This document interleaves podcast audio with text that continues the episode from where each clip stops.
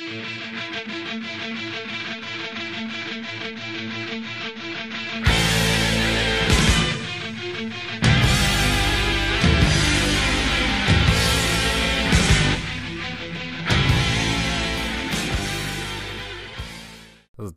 и добре дојдовте на нашиот подкаст Психологија и странски јазици. Јас се викам Герхард Орбанд. Јас сум психолог, автор на книги и наставник по германски јазик. Овој подкаст ви помага да ги подобрите своите јазични вештини без оглед дали сте почетник или професионалец. Јас не сум експерт за македонски јазик. Се разбира, веќе го разбравте ова. Бидете трпеливи со мене, но ветувам дека ќе се подобрам со секоја нова епизода. Ако го откривте овој подкаст само сега, најпрво проверете ги на новите епизоди. Квалитетот ќе биде многу подобар отколку во првите. Темата за денешната епизода е оваа. Како и зошто да научите јазици за време на паника. Се надевам дека не ја пропуштивте нашата последна епизода Илузијата во э, илузијата на Ебинхаус. Сите епизоди на подкаст можете да ги најдете во нашата архива. Ако сакате да го слушате овој подкаст на друг јазик, посетете ја нашата веб страница thegomethod.org slash podcast или thegomethod.org slash macedonian. Дали знаевте дека имам платформа за учење на германски јазик? Не, ова не е вообичаен курс за видео на YouTube, каде што само ја објаснувам граматика. Преку платформата ќе имате неограничен контакт со мене лично, дури и ако купите само едно ниво. Ке ви помогнам, тренирам и ке ви коригирам додека не зборувате течно. И првите две нивоа се скоро бесплатно, односно за по 10 долари. Ве молиме, проверите ја врската во нашите белишки за подкаст. Дозволете ние да започнеме како и зошто да научите јазици за време на паника. Во многу земји во светот, училиштата и универзитетите се затворени поради стравот од ширење на вирусот корона. Во некои земји на луѓето не им е дозволено да работат освен дома.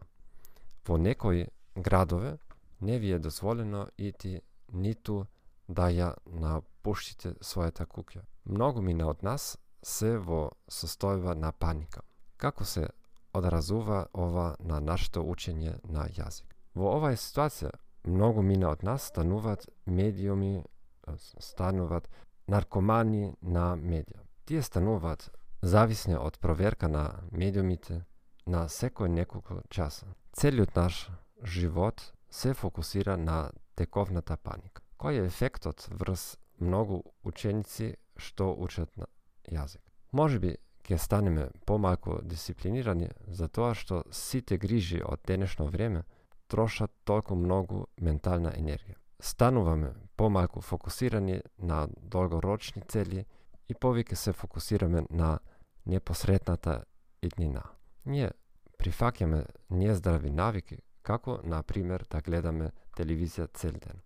Кои се можностите Ако сте една од редките кои можат да ја прочитуваат неговата рутина за учење, ќе добите компаративна предност пред оне, оние што ја користат сегашната криза како изговор за неучење и за несполнување на долгорочни цели.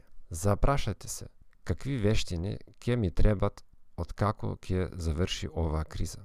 Во ситуација кога повеќето луѓе се принудени да работат од дома, се зголемува важноста да зборуваат и слушаат на странски јазик. Ако сте само добри во завршувањето на пишаните вежби, вие сте на многу лошо место професионално.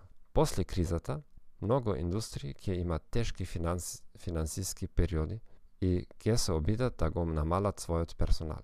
Колку профлексиб, пофлексибилни вештини имате и да зборувате странски јазици е еден од нив, толку по-релевантни ќе бидете на пазарот на трудот.